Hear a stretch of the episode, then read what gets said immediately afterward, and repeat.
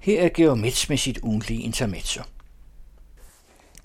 Musik lagt ind under teater gør sig godt i recitative genrer, hvor ordenes dramatiske indhold fremhæves af komponeret musik eller udvalgt lyd til blandingen, og det vokale ikke nødvendigvis er eneste pointe.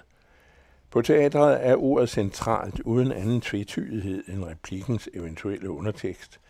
Filmen kan arrangere underlægningsmusikken til replikken i ledemotiver, som hos Richard Wagner, hvor personer og typer kendes på temaer.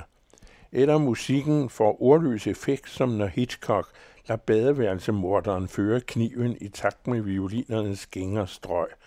Bernard Hermans musik distraherer ikke knivdrabets fortælling, rejsen for male i lyd. I operaen giver det sig selv. Replikken tilføjes dramatisk mening og psykologisk fylde i tonernes underlæg, der i de store værker løfter ord og akkompagnement op i en højere enhed med mening.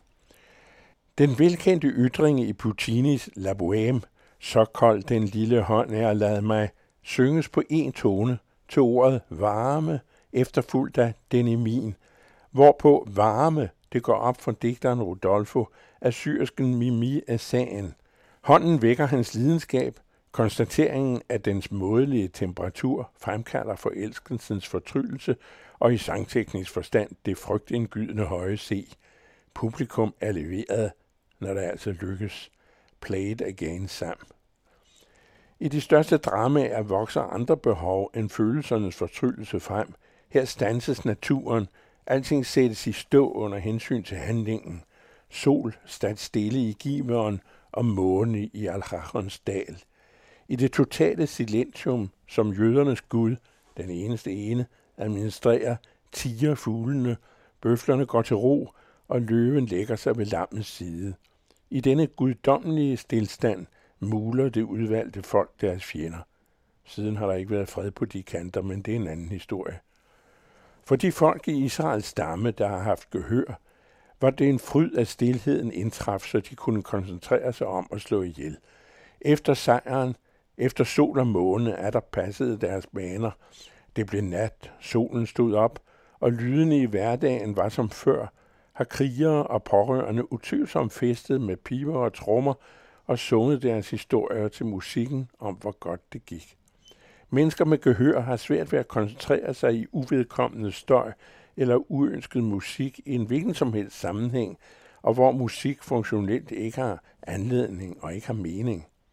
Bare et par elektroniske pip, mens præsten prædiker, en mobil amok i en stille kupé, en halvkvalt sangstemme eller rytme fra en synthesizeren i brusen jager næven ind i musikalitetens reptilorgan og afmonterer begribeligheden af andres udsagn.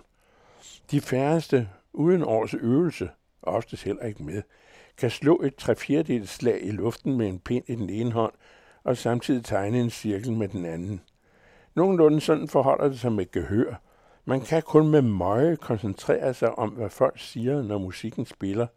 Det kan heller ikke læres, ikke uden borttransplantation af mellemøret. Selv med hørelse som en los er det en kraftanstrengelse at fange oplysninger og meninger belagt med musik, også hvis det er vigtigt, at man forstår, hvad der bliver sagt. En eller anden, der ikke kan have overskud af forstand på ret meget om formidling, har i DR's taleradio fundet ud af at tvangsunderlægge indslagene med musik, Pussy nok især når ordene er vigtige og kræver ikke så lidt af lytteren for at kunne tilegne sig de større sammenhænge i verdenssituationen og om hvad Jon Steffensen nu har fundet på. Musik og musik, det er det ikke, men musak er løse, lavt frekvente lyde eller småslag på elektronisk xylofon med blip og blop, som lytteren under talestemmerne forgæves forsøger at afregne som melodi eller noget andet sammenhængende og betydningsfuldt i forhold til budskabet, hvad det ikke er. Det er heller ikke meningen. Lydene er atmosfærisk støj, der formentlig er lagt på af markedsstrategiske grunde, og fordi man kan, og som ingen argumenterer nytten af eller essensen i. Det reelt gammeldags påfund er nu, som slow motion i tv, så udbredt i P1's dybere dele, at lytterne aldrig kan føle sig i sikkerhed for, at producerne ikke overlister dem i misforstået ambition om ikke at kede. DR's opulente ledelseslag er åbenbart helst fri for, at nogen opfatter, hvad deres radio har på hjertet. Når journalisterne spørger eksperterne, sætter klokkeværk P1 i sving med katakombisk lavlydstamtam. Den gehørsramte kaster sig vandret gennem luften for at kvæle dappen eller smider mobben i tønden. DR's og andre mediers svar på kritik af den art er som regel, at så så mange godt kan lide det. Som regel det rene fis. Det viser de anførte lytterundersøgelser heller ikke troværdigt. Ikke et svar på spørgsmål, man stiller om overhovedet nogen.